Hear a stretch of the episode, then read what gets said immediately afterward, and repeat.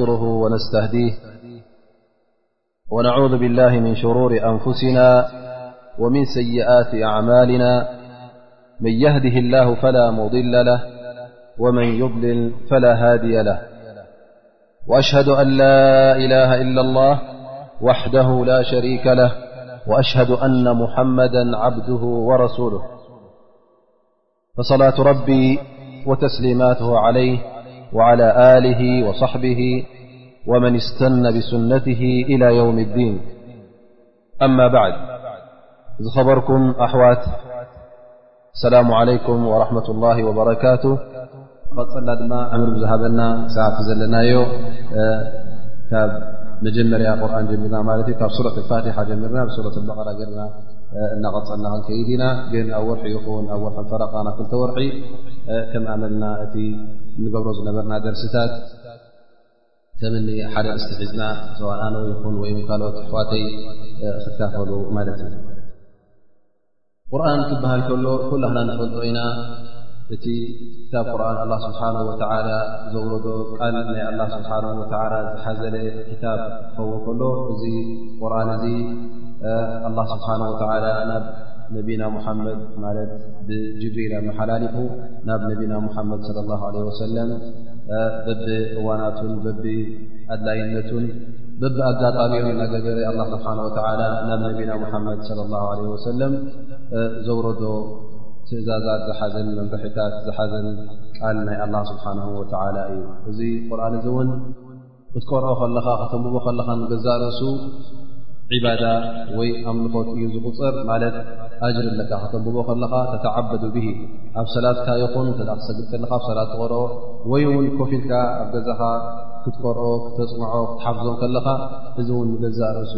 ዒባዳ እዩ ካብ ኣላ ስብሓን ወተዓላ ዋሒ ዝወረደ እዩ ክልተ ዓይነት ኣሎ ናይ ኣላ ስብሓን ወተላ ቃል ዝወረደ ኣሎ ሓዲስ ቁዱስ እዩ ዝበሃል ቃል ናይ ኣላ ስብሓን ወተላ እዩ ግን እዚ ሓዲስ ቅዱሲ ዝበሃል ውሓይ እዩ ቃል ናይ ኣላ ስብሓን ወተላ እዩ ግን ከም ቁርን መጠን ኣብ ሰላት ዝቕረ ኣይኮነን ክትቀዖ ከለኻ ውን ከምቲ ናይ ቁርን ኣጅሪ የብሉን ምኽንያቱ ቁርን ከምቲ ነቢና ሙሓመድ ለ ላ ለ ወሰለም ዝበልዎ ላኣቁሉ ኣሊፍ ላም ሚም ሓርፍ ኣሊፍ ሓርፍ ላም ሓርፍ ሚም ሓርፍ ማለት እዚ ሓርፊ ሓፍ ንትሓት ሓርፊ ሓፍ ክትቀርብ ከለካ ኣብ ናይ ቁርን ዝኾነት ሓርፊ ንገዛእ ርእሳ ዓሰርተ ኣጅሪ ኣለዋ ስለዚ ቁርን ንገዛእ ርእሱ ክተንብቦን ክትከርኦን ከለኻ ፍሉይ ኣጅሪ ንገዛእ ርእሱ ንባቡ ዒባዳ እዩ እዚ ስለ ዝኾነ ኣገዳስነት ናይ ቁርን ኩላህና ንሰማምዓሉ ኢና እውን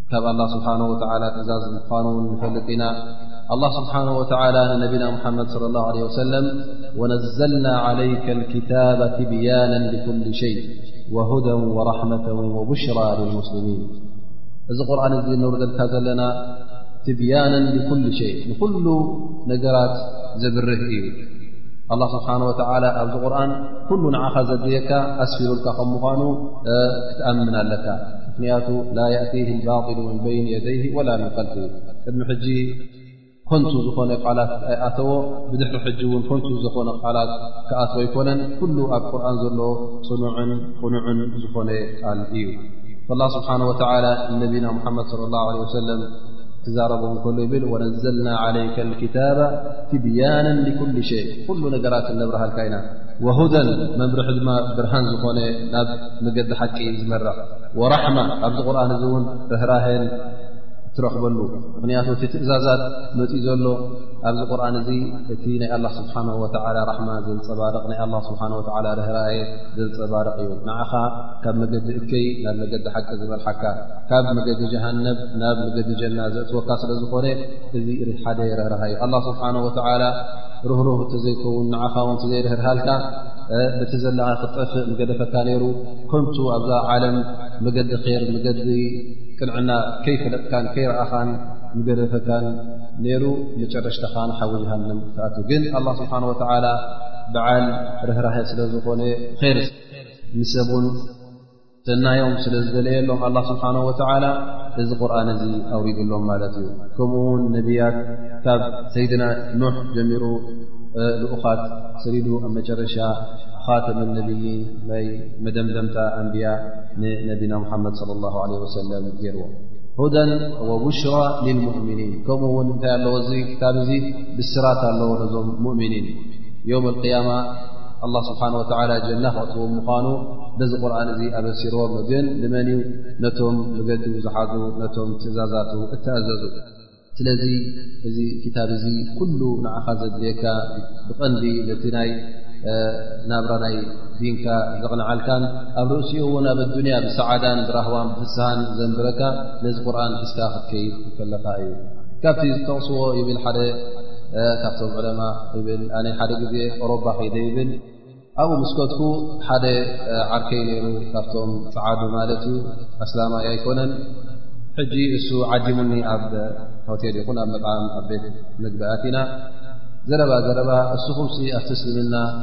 እቲ ክታብ ቁርን ኩሉ ነገራት ኣለዎ ኢኹም ትብሉ ኣላ ስብሓን ወተላ ማ ፈረጥና ፊ ልክታብ ምን ሸይ ኢሉ ዩ ስለዚ ኣነስ ሓንቲ ክሓተካ ዘለ ኩሉ ነገራት ኣለዎ ትብሉ እሞ ኣነ ሓንቲ ክሓተካ ያሳሎ የላን ክትነግረኒ ይብ ማለት እዩ እዚ ሕጂ እንታይ ክገብር ደልዩ ማለት እዩ ከም ሓዲ ኣትዎ ማለት እዩ እዎ ኩሉ ኣሎ ኣላ ስብሓን ወተላ ኣብ ቁርን ዝገደፍዎ የብሉ ብ እሞ ሕጂ እሶም ምግቢ ጠሊቦም ነይሮም ማለት እዩ እሞ ብዛ ቁርንኩም እዛ ፀብሒ እዚኣ ዛምሳና ንበልዓ ዘለና ሕጂ ከመይ ጌርካ ከም ትስራሕ ኣላ ዶ የላን ኣብ ክታብ ቁርን ይብሎ ማለት እዩ እዚኣ ሕጂ ምናልባሽ ሓደ ሰብ ዝድሕር ቁሩብ ዕልሚ ናይ ቁርን ዘይብሉ ኮይኑ ቁርን ዘይሓፈዘ እተ ኮይኑ እንድዒ ክብል ማለት እዩ እቲ ሓመቐ ተዘይሎ ድማ ክካታዕ ክጀምር እዩ ኣነ መዓስ ናይ ፀብሐን ናይ እንጀራ ደካ ክታብና መዓስ ናይ መጥበኽ ኮይኑ ናይ ገለ ኢሉ ኣብ ክትዕ መዓተው ነይሮም ማለት እዩ ግን እዚ ሰብኣይ በሊሕ ስለ ዝነበረ እዚኣ ኢ እዎ ኣላ ኢዎ እዚኣ ትስራሕ እዎ ኣብ ክታብ ቁርን ኣላ ስብሓን ወላ ርዋ እዩ ቲ ሕጂ ሰንቢዱ ማለት እዩ ካበይ ክምፃዩ ሰዚ ሱ ፈልጥ እዩ ከምዘየላ ላስ ኣነ ክነግረ ካበይ ኣያ ከምዘላ ፅናሕ ብሎ ማለት እዩ ንመን ፅውዖ ነቲ ጠባኽ ማለት ነቲ ፅርፊ ዝሰርሕ ንዓ ይብሎ ትመፅእ እዛ ፅርፊ እዚኣ ከመይ ገራ ትስራሕ ኣሎ እዛ ፅርፊ ዶ ከምከምገርካ ትስራሕ ላስ ኪድ ይብሎ እዚኣ ት ከምዘካ ከም ትስራሕ ኣበ ኣብ ቁርን ኣላ ይብሎ ከመይ ጌርካ ኢሎ ሕና ኣብቲ ቁርና ኢሉና ፈስኣሉ ኣህለ ذክር እንኩንቱም ላ ተዕለሙን ኣላ ስብሓን ወላ እተ ኣደይ ትፈልጡ ኮንኩም ሓንቲ ነገርሲ ነቶም ዝፈልጡ ሕተቱ ስለ ዝበለና እዚ ኣበይ ከም ስራሕ ከመይ ገርና ከም ንፈልጣ ነጊሩና እዩ ዝኾነ ይኹን ነጥቢ እተ ዕልሚ ዘይብልና ኮይኑ ነቶም ዑለማ ኢና ንሓትት ዘይትፈልጣ ነገር እተ ኮይኑ ንፍልወት ንዝፈልጥ ሰብ ኣምህረኒት ትብል ማለት እዩ ስለዚ እቲ ቁርን እዚ እውን ኣብርህልና እዩ ናይ ግድን ከመይ ገርና ከምዝስራሕ ኣይነገርና ግን ከመይ ገርና ንዓ ከምንሰርሕ ንዝኹን ዘይንፈልጦ ነገር ከመይ ገርና ከምንበፅሖ ስለ ዝነገረና እዚኣ ከመይ ከምትስራሕ ኣላ ስብሓን ወላ ኣብርህልና እዩ ስለዚ እዚ ጉዳይ እዚ በዚ መልሲ ይምልሶ ማለት እዩ ስለዚ እቲ ቁርን እንተ ፅቡቅ ጌርካ ፅኒዕካዮ እንተ ትፈልጦ ኮንካ መልሲ ናይ ኩሉ ሕቶ ናይ ዝኾን ሕቶ ከም እትረክበሉ ክትርስዕ የብልካ ኣላ ስብሓን ወተዓላ ቁርን ክወርዶ ከሎ ውን ጥራይ ሌልልካ ክትቀርኦ ኣይኮነን እወ እቲ ምቕራእ ከምቲ ዝበልናዮ ክትቀርኦ በቲ ከምቲ ኣላ ስብሓን ወተላ ዘውረዶ ብብሓፍቱ ከተንብቦ እዚ እንታይ እዩ ኣጅር ኣለዎ ግን ኣብ ርእሲኡ ኸ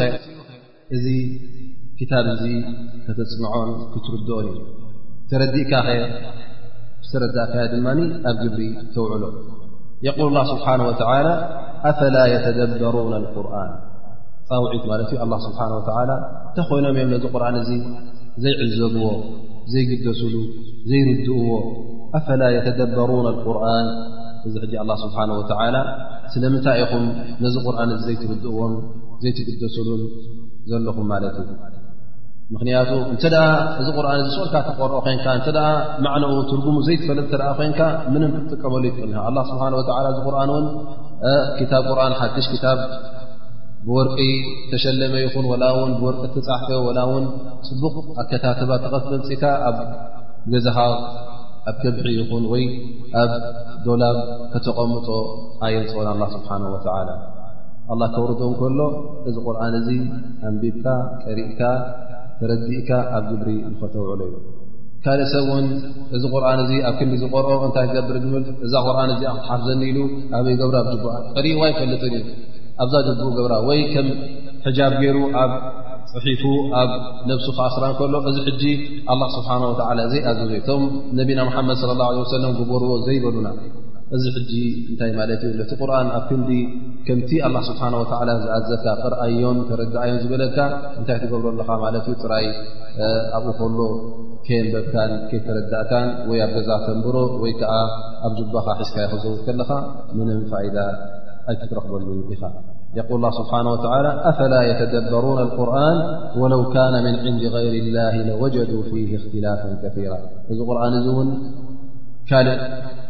ፍጡር ሰብ ማለት እዩ ብዘይካ ኣላ ስብሓን ወተላ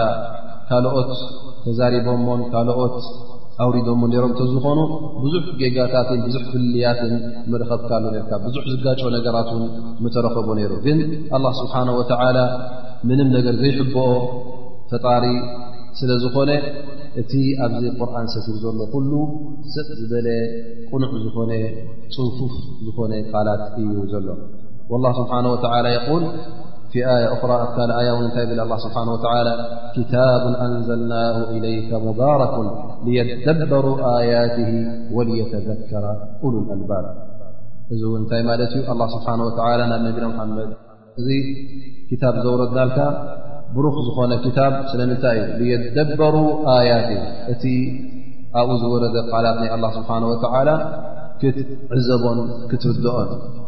ወልየተዘከረ ኡሉ ኣልባብ እቶም ለባማት እቶም ኣላ ስብሓን ወተዓላ ልቦና ዝሃቦም ድማ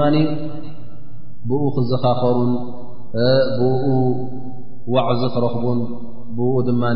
መገዲ ቕንዕና ንክዕዙ ንዕኡ ምስ ፈለጡ ንኡ ምስ ተረድኡ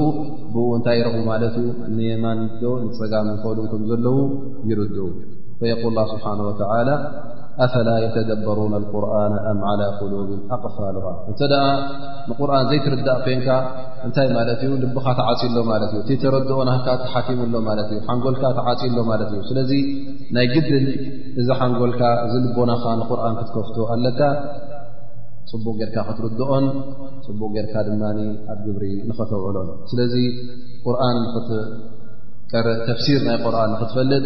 እቲ ዓለም ነቶም ዘይተዓለሙ ክዕልም ናይ ግድን ይኸውን እስኻ ውን እተ ዘይተዓለምካ ኮንካ ጉድለት ዕልሚ እተ ኣለካ ኮንካ ኣብቲ ዕልሚ ዝወሃቦ ሜዳ ኣብቲ ዕልሚ ዝወሃቦ ባይታ ቀሪብካ ክትመሃርን ክትፈልጥን ናይ ግድን ይኸውን ምኽንያቱ እቲ ቀንዲ ጥፍኣት ነቶም በኒ እስራኤል ይኹን ነቶም ቅድሜና ኣላ ስብሓን ወተላ መሪፁ ክታቡ ዘውረደሎም ተውራት ማለት ኦሪት ይኹን ወይ እንጂል ይኹን እቶም ቅድሜና ዝነበሩ ኣህልል ክታብ መፅሓፍቲ ዘውረደሎም ዝነበረ ኣላ ስብሓን ወተዓላ እዞም ሰባት እዚኦም እቲ ቐንዲ ጌጋታት ዝገበርዎ እንታይ እዮም እዚ ክታብ እዚ ክርድእዎን ነቶም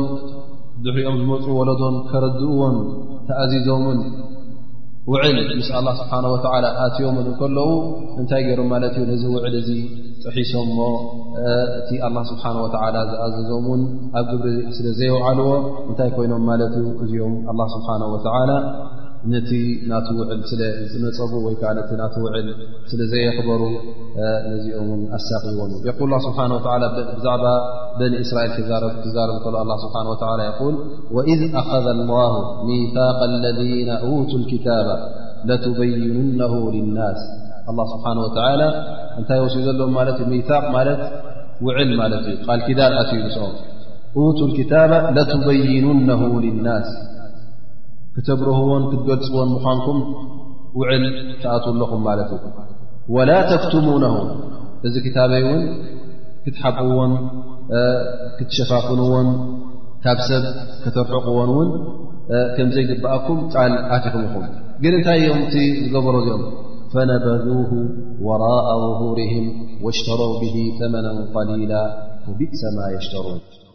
እዚ ሕጂ እንታይ እዩ እቲ ባህርያትን ጠባያትን ናይ መን እዩ ናይቶም ኣህል ክታብ ዝነበሩ ኣይሁዳውያን ክርስትያን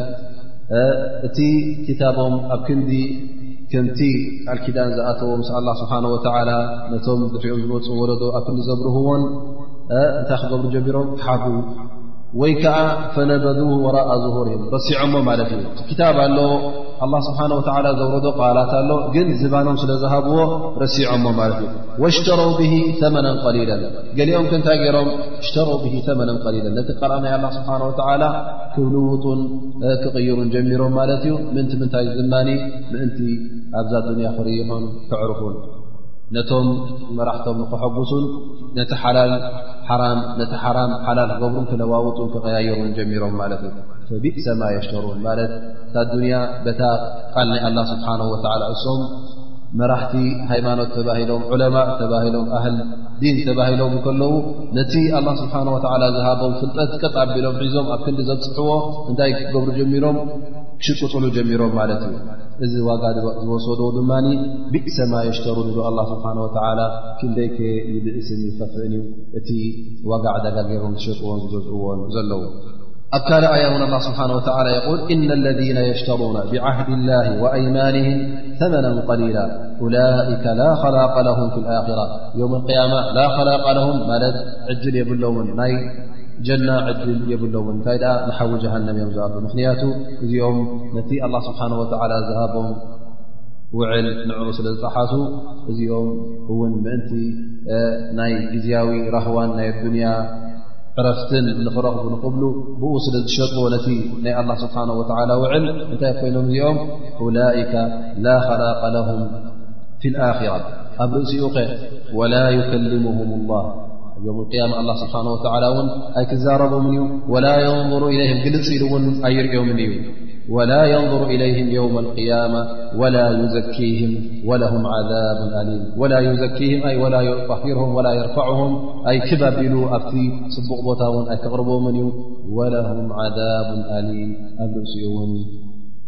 ብጣዕሚ ኣዝዩ ኣሳቓይ ወይ ከዓ ኣቐንዛዊ ዝኾነ ስቓይ ኣለዎም ስለዚ ኣላ ስብሓን ወተዓላ ነቶም ኣህል ክታብ ነቶም ቅድሜና ዝነበሩ ኣህል ክታብ በዚ ቃላት እዚ ነቲ ቃል ናቱ ስለ ዝሓብኡን ነቲ ናቱ ውዕል ስለ ዝጠሓሱን ንዕኡ ስለ ዝጠለሙን ኣላ ስብሓን ወተዓላ ኣብዚ ኣያት እዚ እንታይ ፀጠም ከም ዘሎ እንታይ ከም ፅበዮ ዘሎ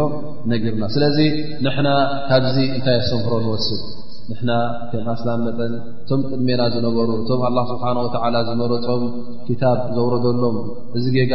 ካብ ገበሩ ንሕና ከደድዕሪኦም ከድና ነዚ ጌጋ ንፍፅምዶ ወይስ ካብዚ ጌጋ እዚ ንቁጠብ እዚ ጉዳይ እዚ ንዓና መለበሚ ክኾነና እዩ ዘለዎ ድኣ እምበር ልክዕ ደድሕሪኦም ክንስዕቦም የብልናን ምኽንያቱ ንሕና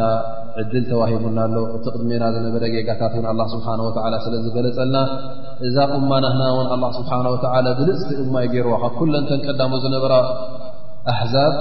ነዛ ናህና እማ ኣብ ብሩህ ዝኾነ ክታብ ኣብ ግብሪ ንኸተውዕሎ ቀሊል ንኸተፅንዖ ንክትሓፍዞ ቀሊል ንኽትርድኦ ውን ቀሊል ዕድል ተዋሂካ ከለኻ ከምቶም ቅድሜኻ ዝነበሩ እተጋገዩ ኣይሁዳውያን ክርስትያንን ኣይትኹን ይብለካ ኣሎ ኣላ ስብሓን ወተላ ከምኡ ውን ኣብ ካልእ ኣያ ኣላ ስብሓን ወላ ክጠቅስ ከሎ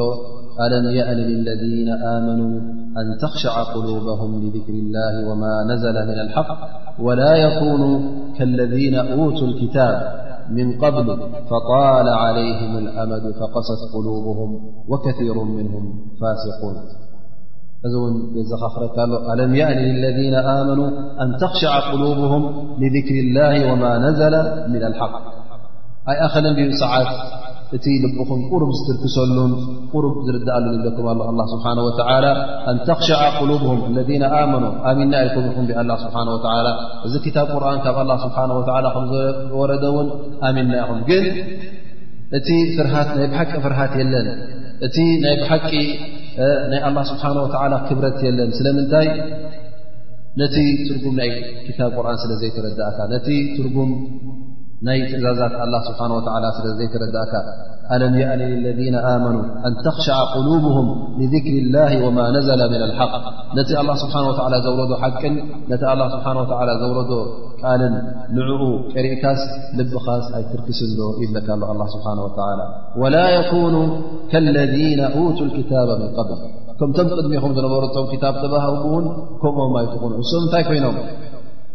ፈጣል ዓለይህም ኣመድ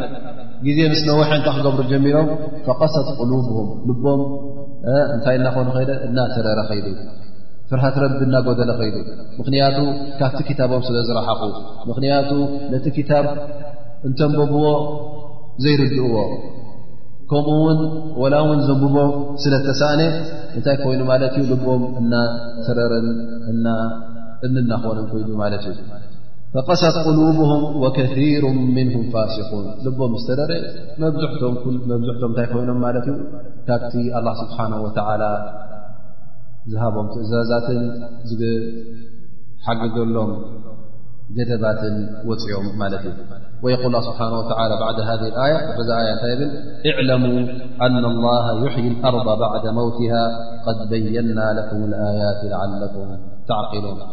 እዚኣ እንተ ሃጂ ምልክት ይበካ ኣሎ ማለት እዩ እዕለሙ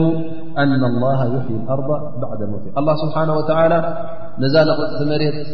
ማይ ምስ ኣውረደላ የተርክሳ ካብቲ ዝነበረቶ ሞት ይሕውያ ማለት እዩ ትትርክስ ልክዕ እስኻ ውን እንተ ልብኻ ዘይተርከሰሎ ንቑፅ ኣሎ እተ ኮይኑ ውን ተስፋ ይትቑረፅ እንታይ ደኣ ናበይ ተመለስ ናብ ቁርን ተመለስ ቁርን ቅርኣዮ ቁርንካ ተረዳኣዮ ቁርንካ ኣፅንዓዮ እሞኒ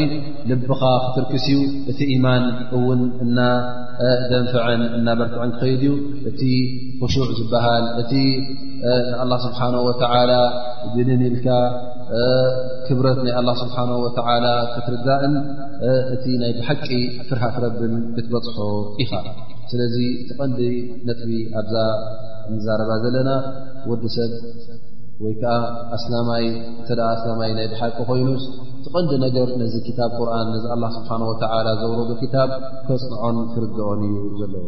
ክርድኦ እንተ ደኣ ኮይኑ እውን ካበይ ክርድኦ ካብ ዑለማ ካብ ተፍሲር እናተፈሰረሉ ትርጉም እናተዋህቦ ኮይዱ ከሎ ክርድኦ ይኽእል ማለት እዩ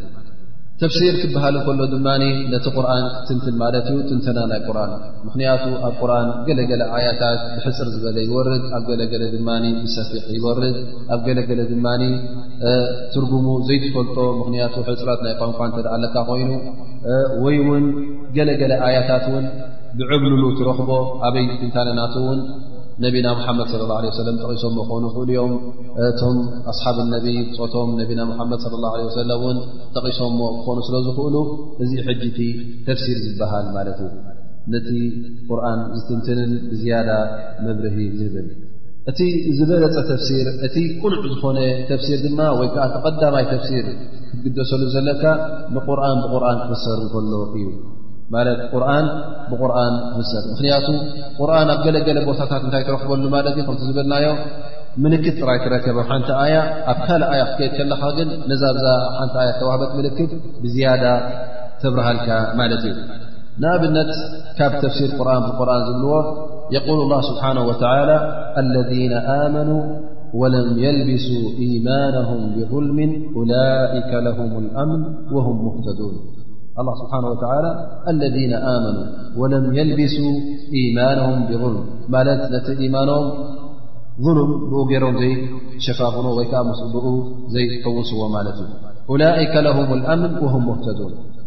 ሰሓበት ነቢ ለ ላ ሰለም ቶም ብፆቶም ነዛ ኣያ እዚኣ ምስ ቐርኡ መን ኣሎ ድኣ ካባና ዙልሚ ዘይብሉ እቲ ሕጂ እንታይ ተረዲኦሞ ማለት እዩ እቲ ዙሉም ልክዕ ከም ወፅዓ ማለት እዩ ነፍሱ ዝውፅዕ እንታይ ገይሩ ማለት እዩ ሰብ እዚ ጌጋ ፈፂሙ በደል ገይሩ ብኡ ተረዲኦሞ ማለት እዩ ዝኾነ ይኹን ተ በደል ገይርካ እዚእውን ነብስኻ ወፅዕካ ማለት እዩ እዚ ሕጂ ዝኾነ በደል ከም እዛ ظሉም ማለት እዛ ظሉም ኣብዛ ኣያ ዘላ እንታይ ፈሲሮማ ብዝኾነ ዓይነት በደል ፈሲሮማ ናበይ መፅኦም ናብ ነቢና ሙሓመድ صለ ላه ሰለ ያ ረሱሉ ላ ኢሎሞ እዛ ኣያ እዚኣስ ከባድ ኣያ እሞ ሕናስ መን ኣሎ ካባና ዘይጋገ መን ኣሎ ካባና እቲ ወላ ውን በዓል ኢማን ይኹን ሲ ምስቲ ኢማኑስ ኢማን ኣልዎ እናተባህለ ዘይጋገ የለን እሞ ከመይ ጌርና ደኣ ናብዚ መርተባ ወይ ከዓ ናብዚ መድረክ ዚ ክንበፅሕ ኢና ቶም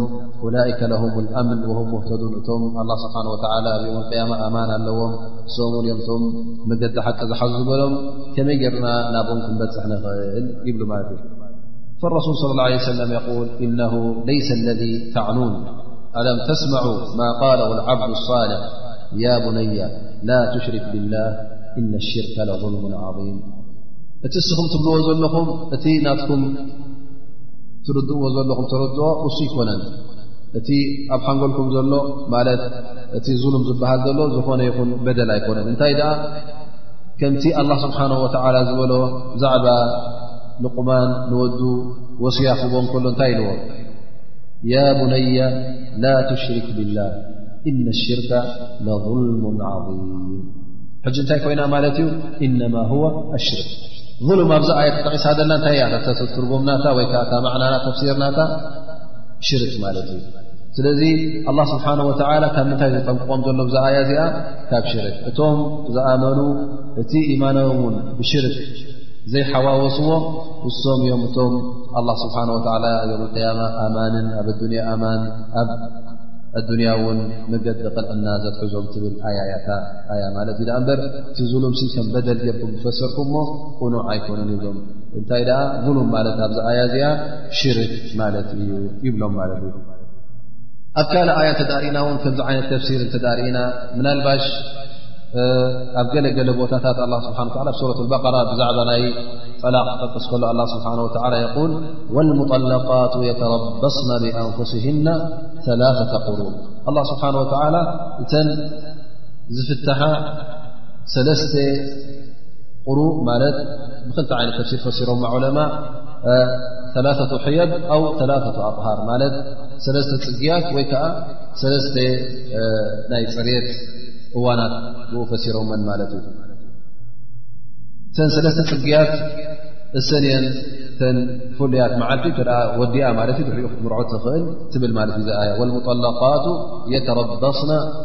ብኣንፍስሂና ላተ ቁሩ ማለት ሰለስተ ቁሩ ይፅበያ እዚኣ ሕጂ ኣብ ሱረት በቀራ እያ መፅያ ካልእ ትንተና ሕጂ ነዚ ዝውስኽ ኣሎ እሞ እተ እዛ ሰብ እዚኣስ ጥንስቲ ኮይና እንተበለ ንኣብነት ሓደ ሰብ ወይ እውን እዛ ሰብ እዚኣ ፅግያት ዘይመፃ እተ ኮይኑ ማለት ንእሽተይ እተ ኮይና ወይ እውን ዓብያስ ፅግያታ ዘቋረፀ እተ ኮይኑ ኣበይ ክረኽቦ ይኽእል ሰብ እዚ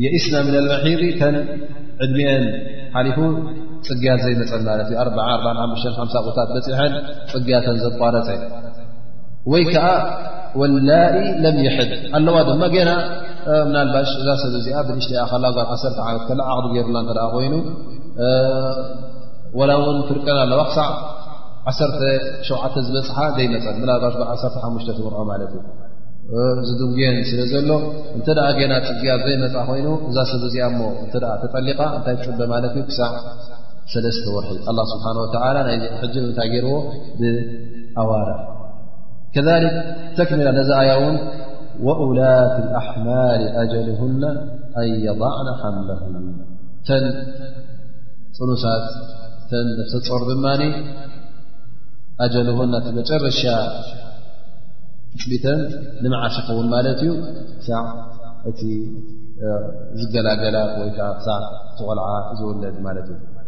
ኣየባዕና ሓምለኹ ክሳዕ ዝገላገላ እተ ተገላገለን ማለት እዩ በቃ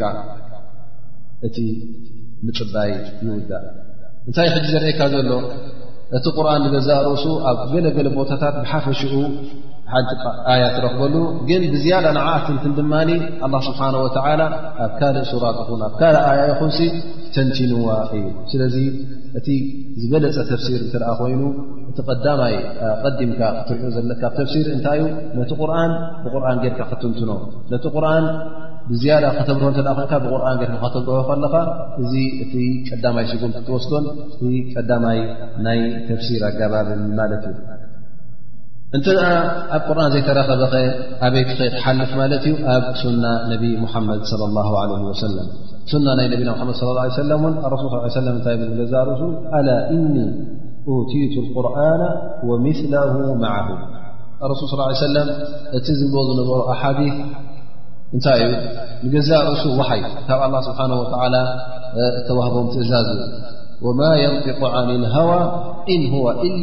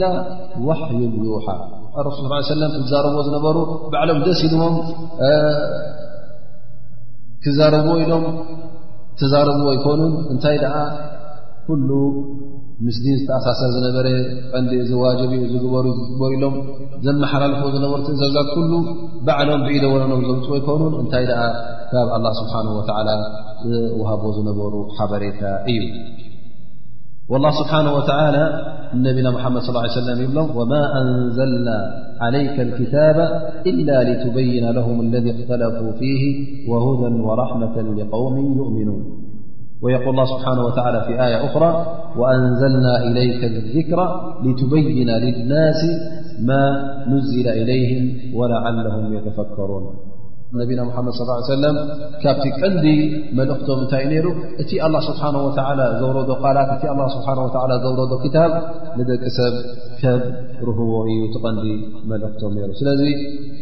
ኣብ ክታብ ቁርን እተ ነታ ኣያት እኣ ኣብ ካልእ ኣያ ትንተና እተ ዘይረከብካላ ናበይ ትሰግር ማለት እዩ ናብ ሱና ነቢ ሙሓመድ صለ ላه ለ ወሰለም ነዚ ዘርኢ ድማ ነቢና ሓመድ صለ ላه ለ ሰለም ንዋዒዱ ለሁም መስተጣዕቱም ምን ቁዋ እዛ ኣያ እዚኣ ክስሩ ከለዉ ኣላ እና ቁወተ ኣረቢ ኣረሚ ማለት እዚ ሓይሊ ዝበሃል ዘሎ እንታይ እዩ ኣረሚ ማለት ኣብቲ ግዜ እቲ ምትኳስ በሎ ወይ ከዓ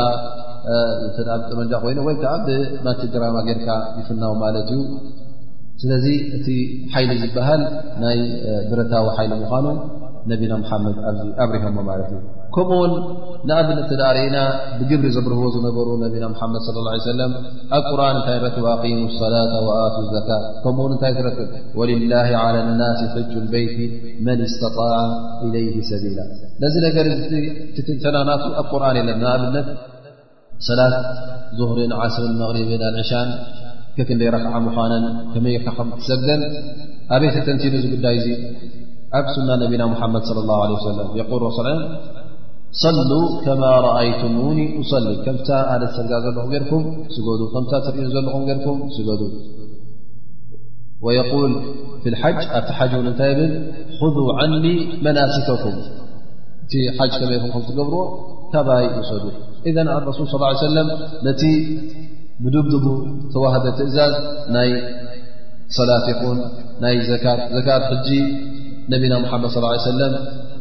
ካብ ወርቂ ክንደይ ከም ነውፅእ ካብ ከብቲ ክንደይ ከም ተውፅእ ካብ ጠለበጊዕ ክንደይ ከም ተውፅእ ነቢና ሙሓመድ ለ ላ ሰለም ተንቲኖሞ እዮም ግን ኣብ ቁርን እዚ ትንተና እዚ ኣይትረክብን ኢኻ ስለዚ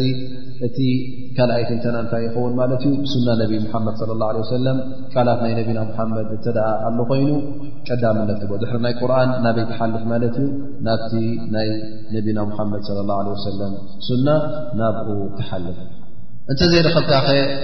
ኣበይ ትሓልፍ ማለት እዩ ኣብቲ ቃላት ናይ ኣስሓብ ነቢ እቶም ብፆት ነቢና ሓመድ ለ ላ ለ ወሰለም ምኽንያቱ እሶም ደረሳ ናይ ነቢና ሓመድ ስለ ዝነበሩ እቲ ቀንዲ ኣፍልጦቶም ቀንዲ ትምህርቶም ካበይ እዩ ካብ ነቢና ሓመድ ለ ላ ለ ወሰለም እዮም ዝወስድዎ ነይሮም ስለዚ እሶም ብዝያዳ እቲ ቁርን ኣበይ ከም ዝወረደን መዓስ ከም ዝወረደን ነቢና ሙሓመድ صለ ላه ለ ሰለም ከመይ ገይሮም ይገልፁሎም ከም ዝነበሩን እሶም እዮም ዝርድእዎ እቶም ብድሕሪኦም ዝመጡ እቶም ብድሕሪኦም ንሕና ዝመፃና እዚ ግዜና ክምኦም ክንርድኦ ኣይንኽእልና ስለዚ ቀዳምነት ንመን ይኹን ማለት እዩ ድሕሪ ነቢና ሓመድ ص ሰለም ኣስሓብ ነቢ صለ ላ ለ ወሰለም ኣብ ርእሲኡ እውን እቲ ምስኦም ዝነበረ ኢማን ከምቲ ብድሕሪኦም ዝነበረ ኢማን ኣይኮነን ኣ ረሱል ስ ሰለም የል ኸይሩ ቁሩን ቀርኒ እቶም ዝበለፁን እቶም ልዑላት ዝኾኑ ኣብ ዲኖም ይኹን ኣብቲ ክብረት ናይ እስልምና ይኹን ኣየኖት እዮም እቶም ኣብዚ ግዜ ዘለኹ ኣነ ኸይሩ ቁሩኒ ቐርኒ ከምኡ ውን ብዙሓት ካብዞም ሰሓብ ነቢ ስለ ላ ሰለም ብፆቶም ካብቶም ክለፋ ራሽዲን ጀሚርካ ብ ካልኦት እውን ነቢና ሙሓመድ ስ ሰለም ኣህል ጀና ምዃኖም መስኪሮምሎም እዮም ስለዚ እዞም ሰባት እዚኦም ውን ኣብቲ ዲኖም ቀጥ ዝበሉን ቕኑዓትን ዘይሕስውን ካብ ነቢ ሙሓመድ ስ ሰለም ዘይሰምዕዎ ሰሚዕናዮ ኢና ኣይብሉ ዘይፈልጥዎ ንፈልጦ ኢና ኢሎም ኣይኣትውዎ ስለዚ እዚ ስለ ዝኾነ ካበይ ተወስዶ ማለት እዩ ካብቶም ኣስሓብ ነቢ ለ ላ ለ ወሰለም ብዝያዳ ድማ ካብቶም ዓበይቲ ኣስሓብ ነቢ ዝተባህሉ ከም በዓል ቶም ኮለፋ ራሽን ቶም ኣርባዕተ ኣቡበከር ወዑመር ወዑስማን ዓሊ ከምኡ ውን ኣለዉ ብተፍሲር ብዝያዳ ውርያት ዝኾኑ ከም ዓብዱላ ብን መስዑድ ከምኡ ውን ዓبدلላه ن ዓባስ ረض له عنه ጀሚع ንክንያ عبدالله بن مسعود ثايب نيرو يقول والذي لا إله غيره ما نزلت آية من كتاب الله إلا وأنا أعلم فيمن نزلت وأين نزلت ولو أأحاأعلم بكتاب الله مني تناله المطايا لأتيته عبد الله بن مسعود نثاب أنس ወለذ ላ ኢላሃ غይሩ ብጀካ ኣላ ስብሓን ወተላ ካልእ ኣላ የለን እሞ በቲ ሓደ ኣላ እምሕል ኣለኹ ይብል ማ ነዘለት ኣያ ዝኾነት ትኹን ኣያ ዝወረደት ኣነ ኣበይ ከም ዝወረደት ፊ መን ነዘለት ምናልባሽ እንተ ትጠቕሰላ ሰብ ተጠቕሱላ ሰባት ኣለዉ ኮይኖም ኣነ እውን ብዛዕባ መን ከም ዝወረደት እውን እፈልጥ እየ ወለው ኣዕለሙ ኣነ ኣሓደ ኣዕለሙ ብክታብ ላ ምኒ ተናሉ መጣያ ለኣተይቱ ኣነስ ካባይ ዝያዳ ዕልሚ ፍልጠት ኣለዎ ብዛዕባ ክታብ ላ ስብሓን ወተላ እሞ ከዓ ክኸዶ ዝኽእል ቦታ ኣብኡ ሎ ኮይኑስ ኣነ ነዚ ሰብ እዚ በፃሕክዎ ነረ ይብል ማለት እዩ ዓብዱላህ ብን መስዑድ ካብቶም ውርያ ዝኾኑ ኣስሓብ ነቢ ለ ላ ለ ወሰለም ብዛዕባ ተፍሲር ቁርን ብጣዕሚ ፍልጠትን ክእለትን ዝነበሮ እዩ ከምኡ ውን ዓብዱላ ዓባስ ረድ ላ ዓንማ ረሱል ስ ላ ሰለም እንታይ ኢሎም ኣላሁመ ፈቂሁ ፍ ዲን ዓሊምሁ ተእዊል ኢሎም ዱዓ ስለ ዝገበሩሉ እንታይ ነይሩ ካብቶም ውሩያትን ካብቶም ኣዝዮም ብዛዕባ ተፍሲር ቁርን ክእለት ዝነበሮም እዮም ሮም ስለዚ ከምዚኦም ዝኣመሰሉ ኣስሓብ ነቢ ለ ላ ለ ሰለም ካብኦም ተፍሲር ክትወስድ ከለኻ ብድሕሪ ነቢና ሓመድ ለ ሰለም እሶም እዮም ዝመፁ ማለት እዩ ሓደ ግዜ ኣልኣዕምሽ ይብል እስተክለፈ ዓልዩን ዓብዱላህ ብን ዓባስ ዓለ ልመውስም ሓደ ግዜ ይብል ዓሊ ብን ኣብ ጣልብ ረ ላ ዓንሁ ኣብቲ ግዜ ኪላፋናቶም መራሕ ከለዉ ንዓብዱላ ብ ዓባስ ኣብ ግዜ ሓጅ እስኻ ኣሚር ኮንካ መሪሕካዮም ኣሓጅጆም ይብሉ ማለት ዓብዱላ ብን ዓባስ ኣብዛ ዓመት እዚኣ ኣሚር ኮይኑ ክሕጅጆም ከሎ ኣብቲ ክጥባ እንታይ ይገብር ማለት እዩ ሓንቲ ሱራ ሱረት ኑር ኣው ሱረት በቀራ ይፍስረሎም ማለት እዩ ፈየቁል እቶም ኣብኡ ተረኽቡ እንታይ ብል ፈፈሰረሃ ተፍሲራ ለው ሰሚዐት ሩሙ ወቱርኩ ወደይለም ላኣስለሙ ትተ ካብኡ ዝሰማዕናዮ ተፍሲር ሲ ብጣዕሚ ኣድናቂ ስለ ዝነበረ እቶም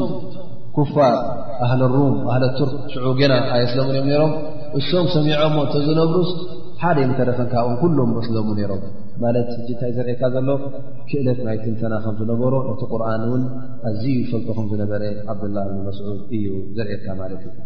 ብድሕሪኡ ከ ናበይ ትመሓላለፍ ማለት እዩ ኣብቲ ናይ ታብዒን እቶም ኣብ ኢድ ኣስሓብ ነቢ ብፅት ናይ ነቢና ሙሓመድ ለ ላ ለ ወሰለም ኣብ ትሕቲኦም ኮይኖም ዝተማህሩ ካብዞም ኣስሓብ ነቢ ለ ላ ለ ወሰለም ተፍሲር ወይ ከዓ ዕልሚ ዝቀሰሙ ናብኦም ትመሓላለፍ ማለት እዩ ከም በዓል ሙጃህድ ብን ጀብር ሰዒድ ብን ጅበይር ሓሰን ኣልበስሪ ከምኡውን ሰዒድ ንመሰይድ ዝኣመሰሉ እዚኦም ውን ናይ ተፍሲር ውርያ ዝኾኑ ካብቶም ኣስሓብ ነቢ ለ ላ ለ ወሰለም ብጣዕሚ ተገዲሶም ይዕለሙን ይመሃሩ ስለ ዝነበሩ ውርያ ስለ ዝነበሩ እዚኦም ውን ካብኦም ክትወስድ ፅቡቕ ይኸውን ማለት እዩ ግን እቲ ጌጋ ዝኾነ ተፍሲር እንታይ እዩ እንተ ሓደ ሰብ ባዕሉ ኣምፅኡ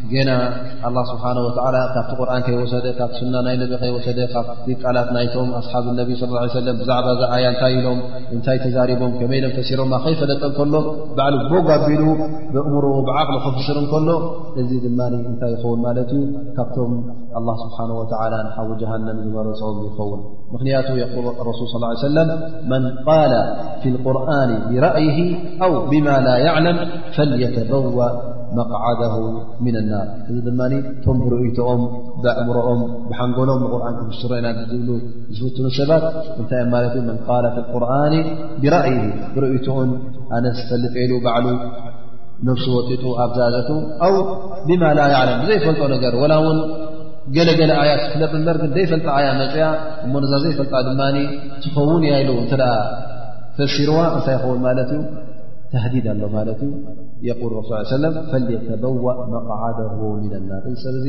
እንታይ ዮም ሉ ማለት እዩ ቦታ ሓዚዙ ኣሎ ማለት እዩ ሰድያኡ ኣብ እታ ሓዊ ጃሃንም ኣብኣ ሒዙ ኣሎ ማለት እዩ ስለዚ ሓደ ሰብ እተ ብዛዕባ ናይ ቁርን ሓንቲ ኣያ ሰሚዑ ባዕሉ ዝኸውን እያ ኢሉ ክዛረብ የብሉ እንታይ ደኣ ካብ ዓለም ዝሰምዓ ኣብ ክታብ ዝረኸባ ውሩይ ክታብ ፍሉጥ ክታብ ቁኑዕ ዝኾነ ክታብ ካብኡ ክስራ እተ ኮይኑ እዚ ምንም ሽግር የለን ግን ባዕሉ ጎ ኣቢሉ ትኸውን እያሉ ኣነስ ቋንቋ ዓረብ ክእል የሉ ባዕሉ ክፍስር እትኣ ጀሚሩ እዚ ሰብ እዚ እንታይ ኸውን ኣሎ ማለት እዩ ኣላ ስብሓን ወተላ ካብቶም ንሓዊ ጀሃንም ዝመረፆውን ቦታ ዝሓዘለዉ ይኸውን ማለት እዩ ኣብ ርእሲ እዚ ምናልባሽ ካብቶም ተፍሲራት ክመፁ እንከሎ ሓደ ሓደ ግዜ እንታይ ይሕወሶ ማለት እዩ እስራኤልያት ዝበሃል ኣሎ እንታይ ማለት እስራኤልያት ኣህሊ ክታብ እቲ ኣላ ስብሓን ወተላ ዘውረዶ ክታብ ማለት ተውራት ይኹን እንጂል ይኹን ኣላ ስብሓን ወ ከም ዘውረዶ ኩላህና ንኣምን ኢና እዚ ክታብ እዚ እውን ብቐንዱ ኩሉ ሓቂ እዩ ነይሩ ግን ግዜ ምስ ነወሐ ባዕሎም እቶም ሒዞሞ ዝነበሩ እቶም መራሕቲ ሃይማኖት ተባሂሎም ዝነበሩ እንታይ ክገብሩ ጀሚሮም ማለት ዩ ክፃወትሉ ጀሚሮም ገሊኡ ጠፍእ ገሊኡ ሓፊዞሞ ነበር ምስረስዕዎ ትኸውን ያሎም ዮ ትብሉ ገሊኡ ውን ኸበላሽው ዝኣተዎ እንታይ ኮይኑ ማለት ሕ ዚ ክታብ እዚ ተሓሪፉ ወይ ከዓ ካብቲ ቐንዲ መስመሩ ወፅኡ ቃል ናይ ኣላ ስብሓን ወተላ ምስ ቃል ናይ ሰብ ስለተሓዋወሰ እዚ ክታብ እዚ ሕጂ እንታይ ኮይኑ ማለት እዩ እቲ ቅንዕንኡን እቲ ጥዕንኡን ዝነበረ ይጠፍእ ግን ገና ካብቲ ኣላ ስብሓን ወተላ ዝበሎን እቲ ቐንዲ እቲ ቅንዑ እውን ይህልዎ ይኸውን ذ እንታይ ትረክብ ካብቶም ዕለማ ውን ወላ ካብቶም ኣስሓብ ነቢ صለ ه ለ ሰለም ክብስሩ ከለዉ ካብቲ ኣብቲ ተውራት ዝተረኸበ ካብቲ ዛንታ ናይ በኒ እስራኤል ብዛዕባ ይጠቕሱ ይኾኑ ወረሱል ስ ሰለም በሊغ ዓኒ ወለው ኣያ ወሓዲث ዓን በኒ እስራኤል ወላ ሓርጅ ማለት ካብ በኒ እስራኤል ክሰምዕዎ ገለገልታ ተ ኣለኹ እተ ተዛሪብኩም ምንም ሽግር የብሉ ስለ ዝበሉ ገለገለ ዑለማ ገለገለ ካብቶም ኣስሓብ ነቢ ስ ሰለም ንምንታይ ልልእስትሽሃድ ይጠቕሱ ነሮም ማለት ብዝያዳ ንኽ መብርሂ ማለት ንክህቡ ካብኡ ከምዚ ከም ዝበሃል ኣብ በኒ እስራኤል ከምዚ ዛንታ ተረኪቡ ከምዚ ነሩ ኢሎም ዝያዳ መብርሂ ይህቡ ነሮም ግን ከም ቀንዲ ኣይውሰድን እዩ ነሩ እንታይ ደኣ ከም ዝያዳ መብርሂ እዚ ድማ ሰለስተ ዓይነት እዩ ኣብቲ ናይ እስራኤልያ ዝተባሃለ ሓዲ ቀዳማይ ምስቲ ናህናዲን ዘይገራጮ ምስቲ ኣያታት ኣብ ቁርን ዘሎ ዘይገራጮ ኣይ ቕኑዕ ምዃኑ መርትዖ ኣለና ማለት እዩ ኣብ ክታብ ቁርን ንረኽበሉ ወይ ከዓ ኣብ ሱና ነቢ እንረኽበሉ መርትዖ ኣለዎ እዚ እዚ ንክትቅበሎ ምንም ሽግር የብሉ ምክንያቱ ምስቲ ናህና ስለዘይ እጋጮ ቁኑዕ ማለት እዩ እዚ ሕጂ ብዘይገለ ጥርጥር ትቕበሎ ካልኣይ ዓይነት እንታይ ኣሎ ምስቲ ቀንድታት ናይ እስልምና ዝገራጮ ንኣብነት ታሪክ ናይ ሰይድና ዒሳ ዓለ ሰላም እተዛርኢና ኣብ ክታብ ቁርን እንታይ ንረክብ ዒሳ ዓለ ሰላም ኣብ መስኪ ከም ዘይተሰቐለን ከም ዘይኣሰርዎን ከም ዘይሓዝዎን ከም ዘይቀተልዎን ኣብ ክታብ ቁርን ኣሎ ማለት እዩ ግን ኣብቲ መፅሓፍ ቅዱስ እንታይ ትረክብ ማለት እዩ ከም ተሰቕለን ከም ተዘልዘለን ከም ዝሞተን ከም ተቐብረን ሰለስተ መዓልቲ ከም ተሰአን እዚ ዓይነት እዚ ትረክብ ማለት እዩ እዚ ሕጂ እንታይ ይኸውን ኣሎ ማለት እዩ ምስቲ ቀንድታት ናካ ምስቲ ውር ዝኾነ ወይ ፍሉጥ ዝኾነ ኣያታት ይገራጮ ማለት እዩ እዚ ሕጂ ክትነፅጎ ይግበኣልካ ኣሎ ድማ ካልእ ኣብ ቁርን ዘይትረኽቦ ኣብኡ ዘሎ ማለት እዩ ምስቲ ቁርን እውን ኣብ ቁርን ኣይተጠቕሰን ስለዚ ነዚ እንታይ ትገብሮ እዚ ኣይትኣምኖ ኣይትኽሕዶ ምኽንያቱ ምናልባሽ ቁንዑ ክኸውን ይኽእል እዩ ምናልባሽ እውን ሓሶት ክኸውን ይኽእል ካብቲ ባዕሎም ዝወሰኹ ክኸውን ይኽእል እዩ ስለዚ ሓሶት እዩ እተ ትብሎ ኮንካ ዘይትፈልጦ እስኻ ዘይሓሶት ሓሶት ትብል ኣለኻ ማለት እዩ ቁኑዕ ዩ ክትብሎ እተ ኮንካ እውን ዘይትፈልጦ ነገር ቁንዕንኡ ዘይፈለጥካ ቁኑዕ ክትብል ከለኻ ውን ትጋገ ኣለኻ ማለት እዩ ስለዚ እዚ ዝያዳት ትረኽቦ መብዝሕቲ ግዜ እንታይ ይኸውን ማለት እዩ ኣብቲ ተፍሲር ክትረኽቦ ከለኻ ብዙሕ ፋይዳ የብሉን ወይ ከዓ ምስቲ ድንካ ብዙሕ ኣድላይነት የብሉን ንኣብነት እንታይ የምፆ ማለት እዩ ካብቲ እስራኤልያ ዝበሃላ ቁርን ክፍስሩ ከለዉ ብዛዕባ ኣህል ልካሃብ ኣብ ኣስሓብ ልካሃብ ከልቦም እንታይ ይሕብሩ ነይሩ ብሉካ ቀይሕ ድዩ ፀሊም ብጫ ድዩ እዚ ሕጂ እንታይ ፋይዳ ኣለዋ እዚኣ ብዛዕባ እዚ ኣብ በኒ እስራኤል ኣብቲ ክታቦም ቀይሒ ነይሩ ኢሎም ከም ዝባይ ብ ነሮም ተባዕታይ ነሩ ኣንስተይቲ ነይሩ ኣብ ርእሲኡ እንታይ ብል ኣስማቶም በዓል መን እዮም ነሮም ኣብ ርእሲኡ ዓሳ ሙሳ ማለት ብ በትሪ ነብላ ሙሳ ሒዝዋ ነበረ እሞ ናብ ተመን ዝተለወጠት እዚኣ ካብ ምንታይ እያ ራ ይ ከይዘራ እያ ነራ ወይስ ዓዳይ ነራ ወይስ እንታይ እያ ነራ ልካ እዚታት እዩ እዚ ሕጂ ኣብቲ ዲን ቀንዲ ምንም ትክፍ ኣይኮነን ስለዚ ፈሊጥካዮ ናይ ፈሊጥካዮን እውን ንዓኻ ኣብ ዲንካ ዝውስኸካን ዘጉድለካ ኣይኮነን ከምዚ ዓይነት ስለ ዝኾነ ውን ብዙሕ ተገዳስን ክትገብረሉ የብልካ ግን እንተ ምስቲ ዲንካ ዝሰማማዕ ኮይኑ ክትቅበሎ ኢኻ እተ ዘይሰማማዕ ኮይኑ መርትዖ ኣለካ ክትወስኮ ኢኻ እቲ ዝበልና ድማ ኣብ ክታብ ቁርን ይኹን ኣብ ስና ይኹን ንኡ ዝነፅግን ንኡ ዘፅድቕን እንተ ዘይረኸብካሉ እንታይ ትኾን ማለት እዩ ኣይትቅበሎ ትነፅጎ ዘይትፈልጦ ነገር ኣብ ተፍሲር ድማ ባዕልኻ ተቐዳዲምካ ክትፍስሮ የብልካ ምክንያቱ ሓታ እቶም ኣስሓብ ነቢ ስለ ላሁ ለ ወሰለም እንተ ገለ ኣያ ገለ ሱራ እተ እናቀርዋ ከለዉ ዘይፈልጥዋ እተ ረኪቦም እንተተሓቲቶም ውን እምልሱ ይነበሩ እንተ ብዛዕባ ካብ ነቢና ሙሓመድ ስለ ላ ለ ሰለም ዝሰምዕዎ ማዕና ዝሰምዕዎ ተፍሲር ማለት ዝሰምዕዎ ትርጉም እተ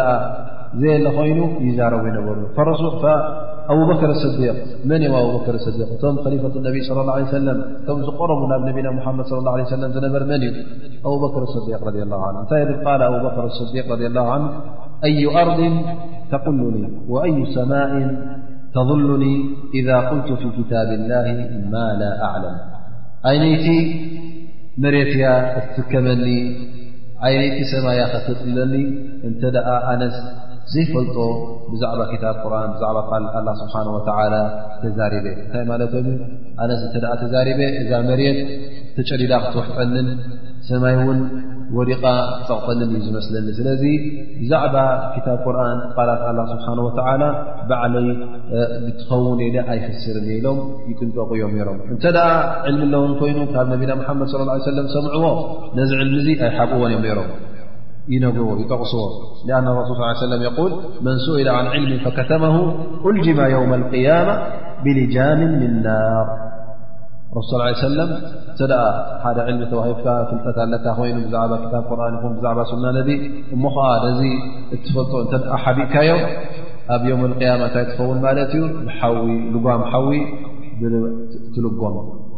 እዚ ዓይነት ታህዲድ እዚ ዓይነት እዚ መጠንቀቕታ ስለ ዘሎ እቶም ስሓብ ነቢ ስ ሰለም ዝፈልጥዋ እተ ኮይኖም ድሕር ኣይብሉን እዮም ነሮም ግን ዘይፈልጥዋ እተ ኮይኖም ብዛዕባ ቁርን ቅርብ ይብልዋ ኣይነበሩን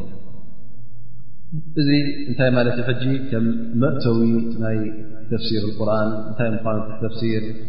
ኣገዳስነት ናይ ተፍሲር ቁርን ክንርድኦ ከም ዘለና ኣዚ ንዛረብ ነርና ማለት እዩ ናበይ ንኣቲ ማለት እዩ ጂ ናብ ሱረ ኣልፋትሓ እታ ቀዳመይቲ ሱራ ማለት እዩ ሱረ ልፋትሓ ትበሃል ሱራ ንገዛ ርእሳ ሱራ ክበሃል እንከሎ ብዙሕ ተፍሲር ኣለዋ ሱራ ይብሉ ከም ንኣብነት መካበብያ ሱር ቋንቋ ዓረብ ሕ ሱር ክበሃል ከሎ ከምዚ መካበብያ ማለት እዩ ሓንሸዶ ክትገብር ከለኻ ወይ ክትጋርብ ከለኻ መካበብያ ትገብረሉ ከምኡ ማለት እዩ ስለዚ ሱራ ማለት እዛ ምዕራፍ እዚኣ ብመካበብያ ተካበበት ሓንቲ ሱራ ናይ ቁርን ማለት እዩ ከም ልክዕ ከም መካበብያ እተኸበበት ወይ ሱራ ማለት ከዓ እንታይ ዝህብሉ ልኡልነትን ክብረትን ማለት እዩ ሱረት ፋትሓ ክበሃል ከሎ ሕጂ ንዓ ልኡልነትን ክብረትን ዝህብ ሽም ማለት እዩ ይብሉ ስለዚ ብዙሕ ዓይነት ተፍሲር እዩ ዘለዎ ማለት እዩ ወይ ከዓ ሓንቲ ክፋል ክፋል ማለት እዩ ይብሉ ሓንቲ ምቃል ወይከዓ ሓንቲ ክፍሊ ማለት እዩ ስለዚ ናይ ትርጉም ናይ ሱራ እዚ ይኸውን ማለት እዩ ቁርን ድማ ኩሉ ኣብ ቁርን ዘሎ ብቋንቋ ዓረብ እዩ ወሪዱ እቲ ምናልባሽ ገለ ኣስማት ካብቶም በኒ እስራኤል ዝነበሩ ይኹም ከም በዓል ሰይድና እብራሂም ኖ ሎት ገለ ኣስማት ካብ ቀንዱ ዓረብ ኣይከውንን ግን ኣዕጀሚ እዩ እዚ ዝኣመሰለ ኣስማት ኣለ ይኸውን ግን እቲ ኩሉ ኣሰራርዓ ቃላቱ ይኹን እቲ ኩሉ ቃላቱ ብቋንቋ ዓረብ ዝወረደ እዩ ስለዚ እተ ክትፍስር ኮንካ ቋንቋ ዓረብ ክትፈልጥ ክትከውን ኣለካ እዛ ሱራ ቀዳመይቲ ሱራ እንታይ ትበሃል ሱረ ፋትሓ ሱረ ፋትሓ ብዙሕ ኣስማት ኣለዋ ኣልፋትሓ ትበሃል ኣው ፋትሓት ክታብ መኽፈቲት ናይ ክታብ ኣ ወይ እውን እሙ ክታብ ትበሃል ማለት ኣደ መፅሓፍ ኣደ ክታብ ማለት እዩ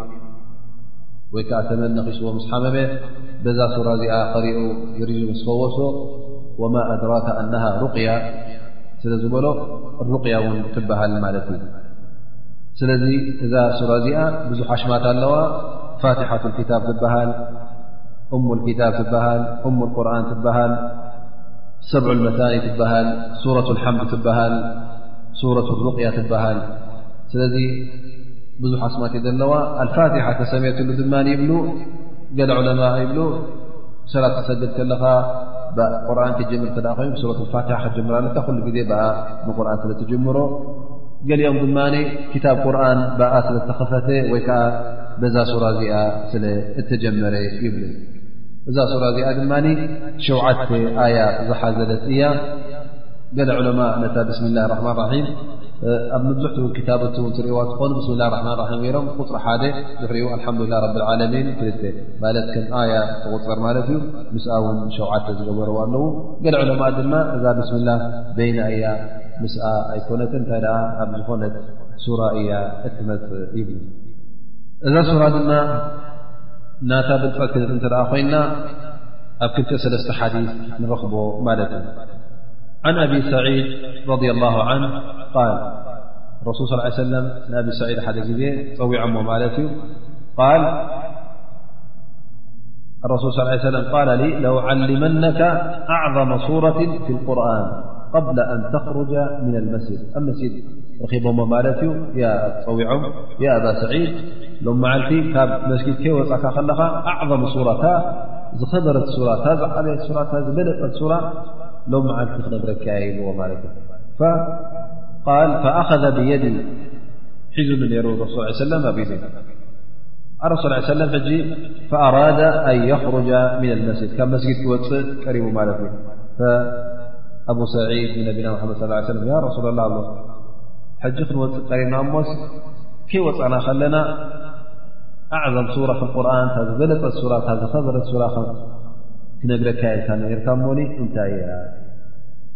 قلت يا رسول الله إنك قلتلي لأعلمنك أعظم صورة في القرآن قال نعم و الحمد لله رب العالمين هي السبع المثاني والقرآن العظيم الذي أوتيته ت سبع المثاني اتبهلث القرآن العظيم كبور قرآن اتبهلث ن الحمدله رب العلمينل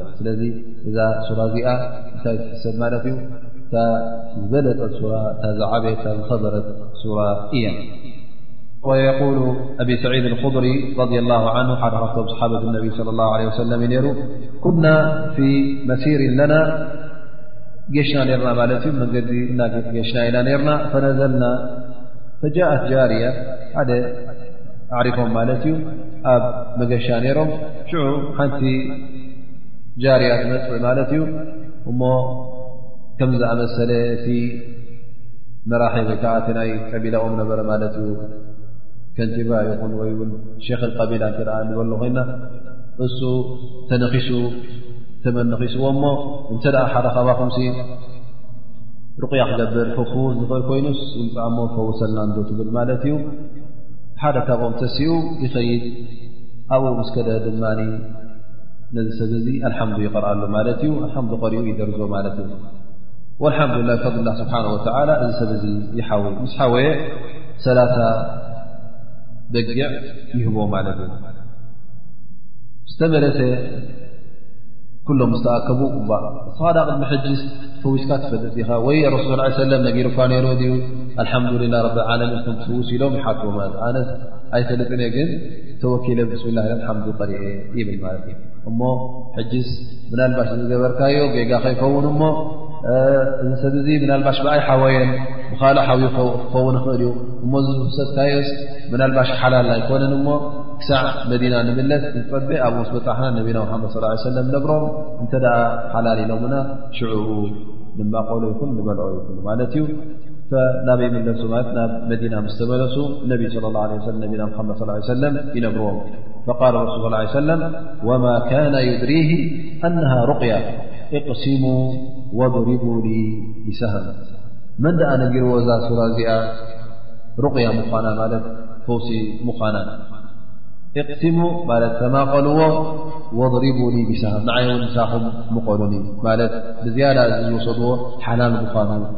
የረጋግፅ ኣሎ ማለት እዩ ነቢና ሓመድ ስ ሰለ እተ ሓደ ሰብ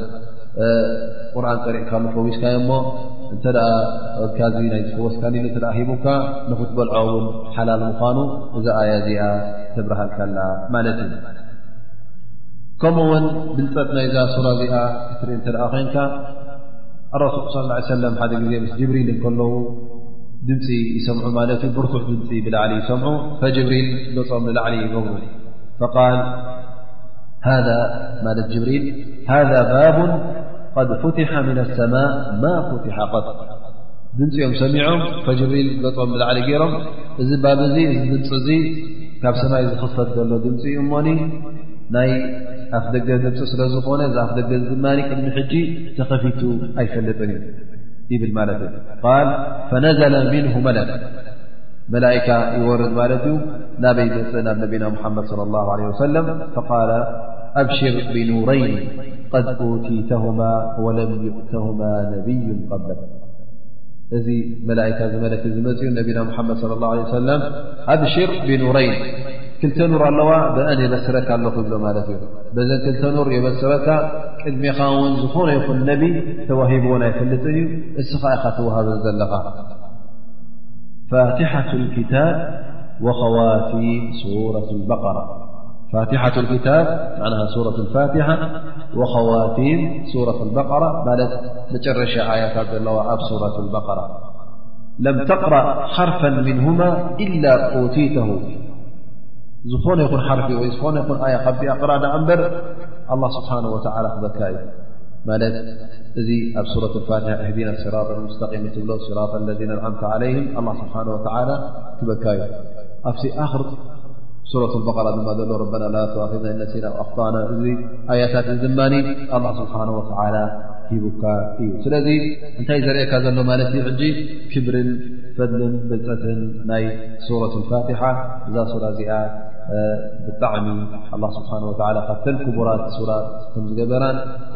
ኣዝዩ ብልፀት ከም ዘለዋን ይርእየና ማለት እዩ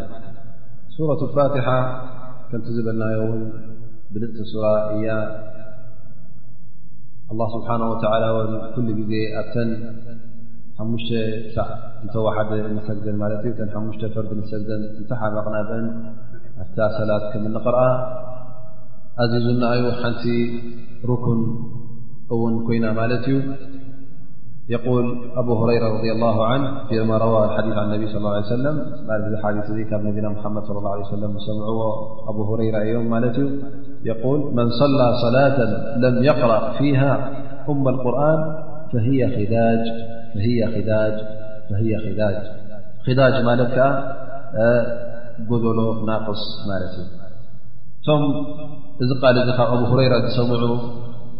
وع محلالي يا أبا هريرة إنا نكون خلف الإمام هنالأخلح إمام س مام رخلا نقرلونت مالت فيقول أبوهريرة رضي الله عنه اقرأ بها في نفسك مالة سر ب قرأيا فإني سمعت رسول الله صلى الله عليه وسلم يقول قال الله عز وجل حديث قدسي فبهل رسو ليه وسلمقالنا الله سبحانه وتعالى التيو يقول الله سبحانه وتعالى قسمت الصلاة بيني وبين عبدي أي الفاتحة مني م بري مقلي م عن بري مقلي قسمت الصلاة بيني وبين عبدي نصفين لت فرق ر مني بري مقلي لم ولعبدي ما سألت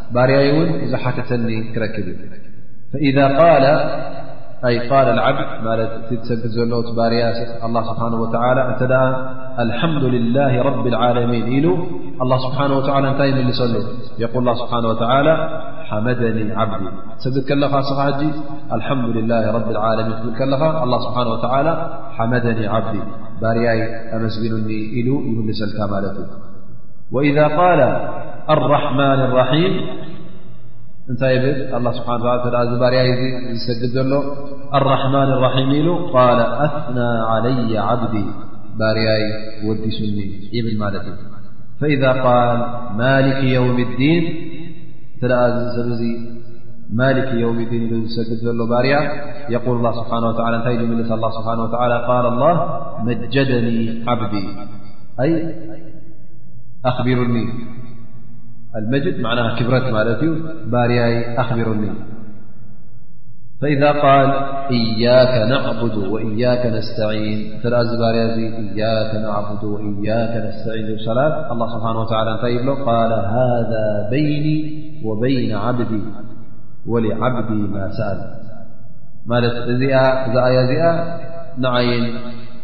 ንበርያይን እያ ማለት ምክንያቱ እያከ ናዕቡድ ትብሎ ኣለኻ ንዓኻ ኢና ነምልኽ ንዓኻ ኢና ንግዛእ ባሮትካ ኢና ወእያከ ነስተዒን ካባኻ ድማ ሓገዝ ንሓትት ትብል ኣለኻ ሕጂ ስኻ ኣብ መንጎ ክልትየ ላ እዛ ኣያ እዚኣ ሕጂ እቲ ሓንቲ ባርነትካን ግዝኣትካን ንኣላ ስብሓን ወተላ ትህብ ኣለኻ እቲ ሓንቲ ድማ ካብ ኣላ ስብሓን ወተላ ሓገዝ ትጠልብ ኣለኻ ማለት እዩ ስብሓን ወላ እንታይ ይብል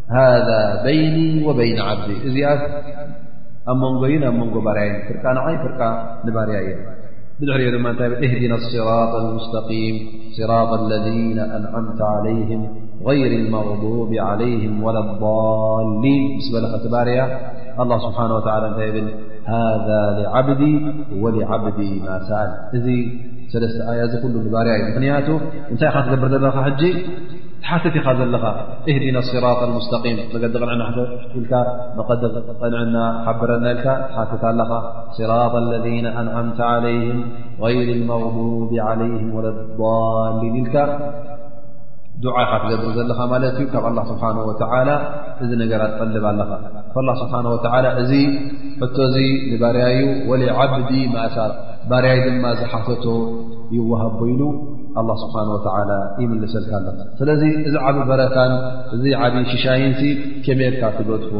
ሰይድ ኣብ ሁረይራ ሕጂ ነዚ ከምዚ ኢሉ ዝመለሰ ሰብ እዚ ድሕሪ ኢማም ኢና ንሰግድ ዝበለ ወላ እውን ነብስኻ ቅርኣያ ማለት ውሽጢ ነብስኻ ብልብኻ ቅርኣያ ይብሎ ማለት እዩ ምክንያቱ እዚ ዓብ ፈድልን እዚ ዓብ ሽሻይን ንኸይሓልፈካ ማለት እዩ ስለዚ እንተ ድሕሪ ኢማም ኣለኻ ኮይንካ ወላ ውን ኣብ ጃህሪ ይኹን ኣብ ስር ማለት እቲ ኢማም እተ ኣብ ዝኽሪ ወይ ኣብ ዓስር እናሰገደ ኣሎ ኮይኑ እዚ ክትቀርእ ቀሊል ይኸውን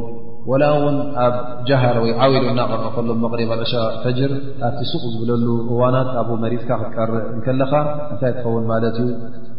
ናይ ግድን ይኸውን እታ ሰላትካ እውን ምልእቲ ትኸውን ማለት እዩ ስለዚ ራኣት الفاتحة في الصلاة كلهم علماء اتسمعل ي مክنيت يقول لرصص ا عي وسلم لا صلاة لمن لم يقرأ بفاتحة الكتاب الفاتحة الحمد ዘيكرأس سلاة يبل سل ዝل نبينا محمد صلى الله عليه وسلم ናي جدم كتقرأ الك أب رأس إذ صورة ختقر لኻ ن ኣب صلاة يኹن ل قوانات مجمرያ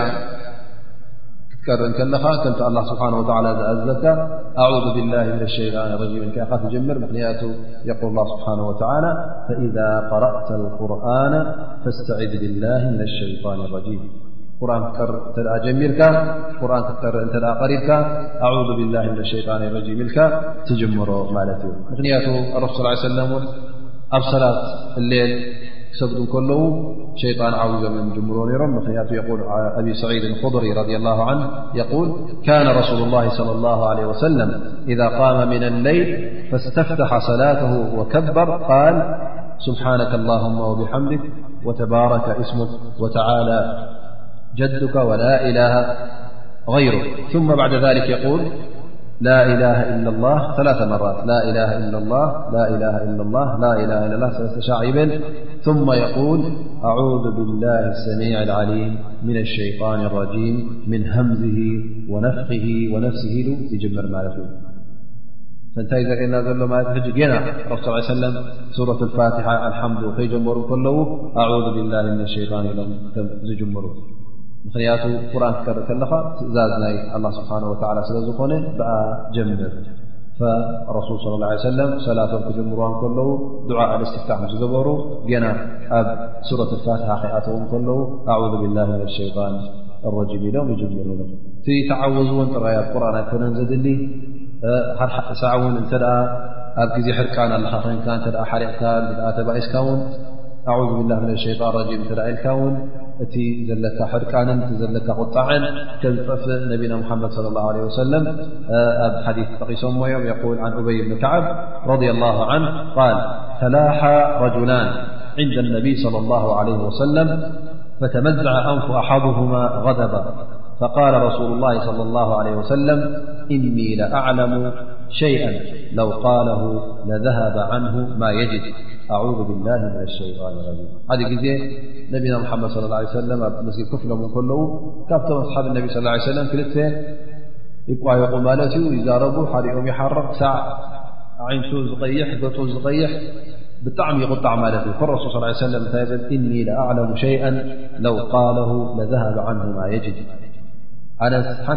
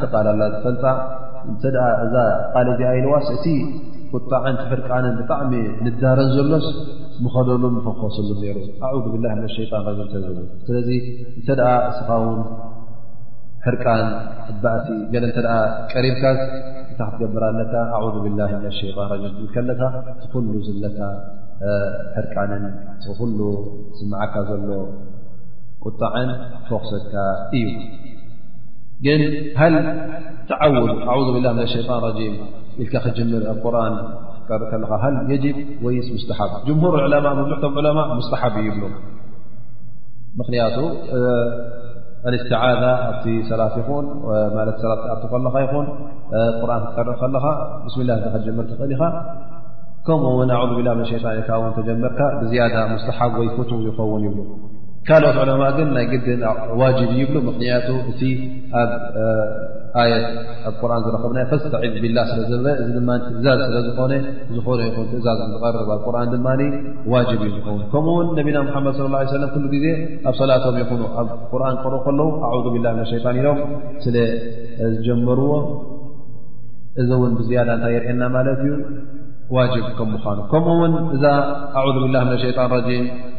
ካብ ሸይጣን ተርሓቐካን ካብ ሸይጣን ትሕልወካን ስለ ዝኾነት ካብ ሸይጣን ንክትርሕቕ እውን ንገዛእ ርእሱ ዋጅብ ስለ ዝኾነ ነዚ ዋጅብ እዚ ትሕግዘካ ስለ ዝኾነት ማላ የቲሙ ዋጅብ ኢላ ብ ፈ ዋጅብ እቲ ዋጅብ እንተ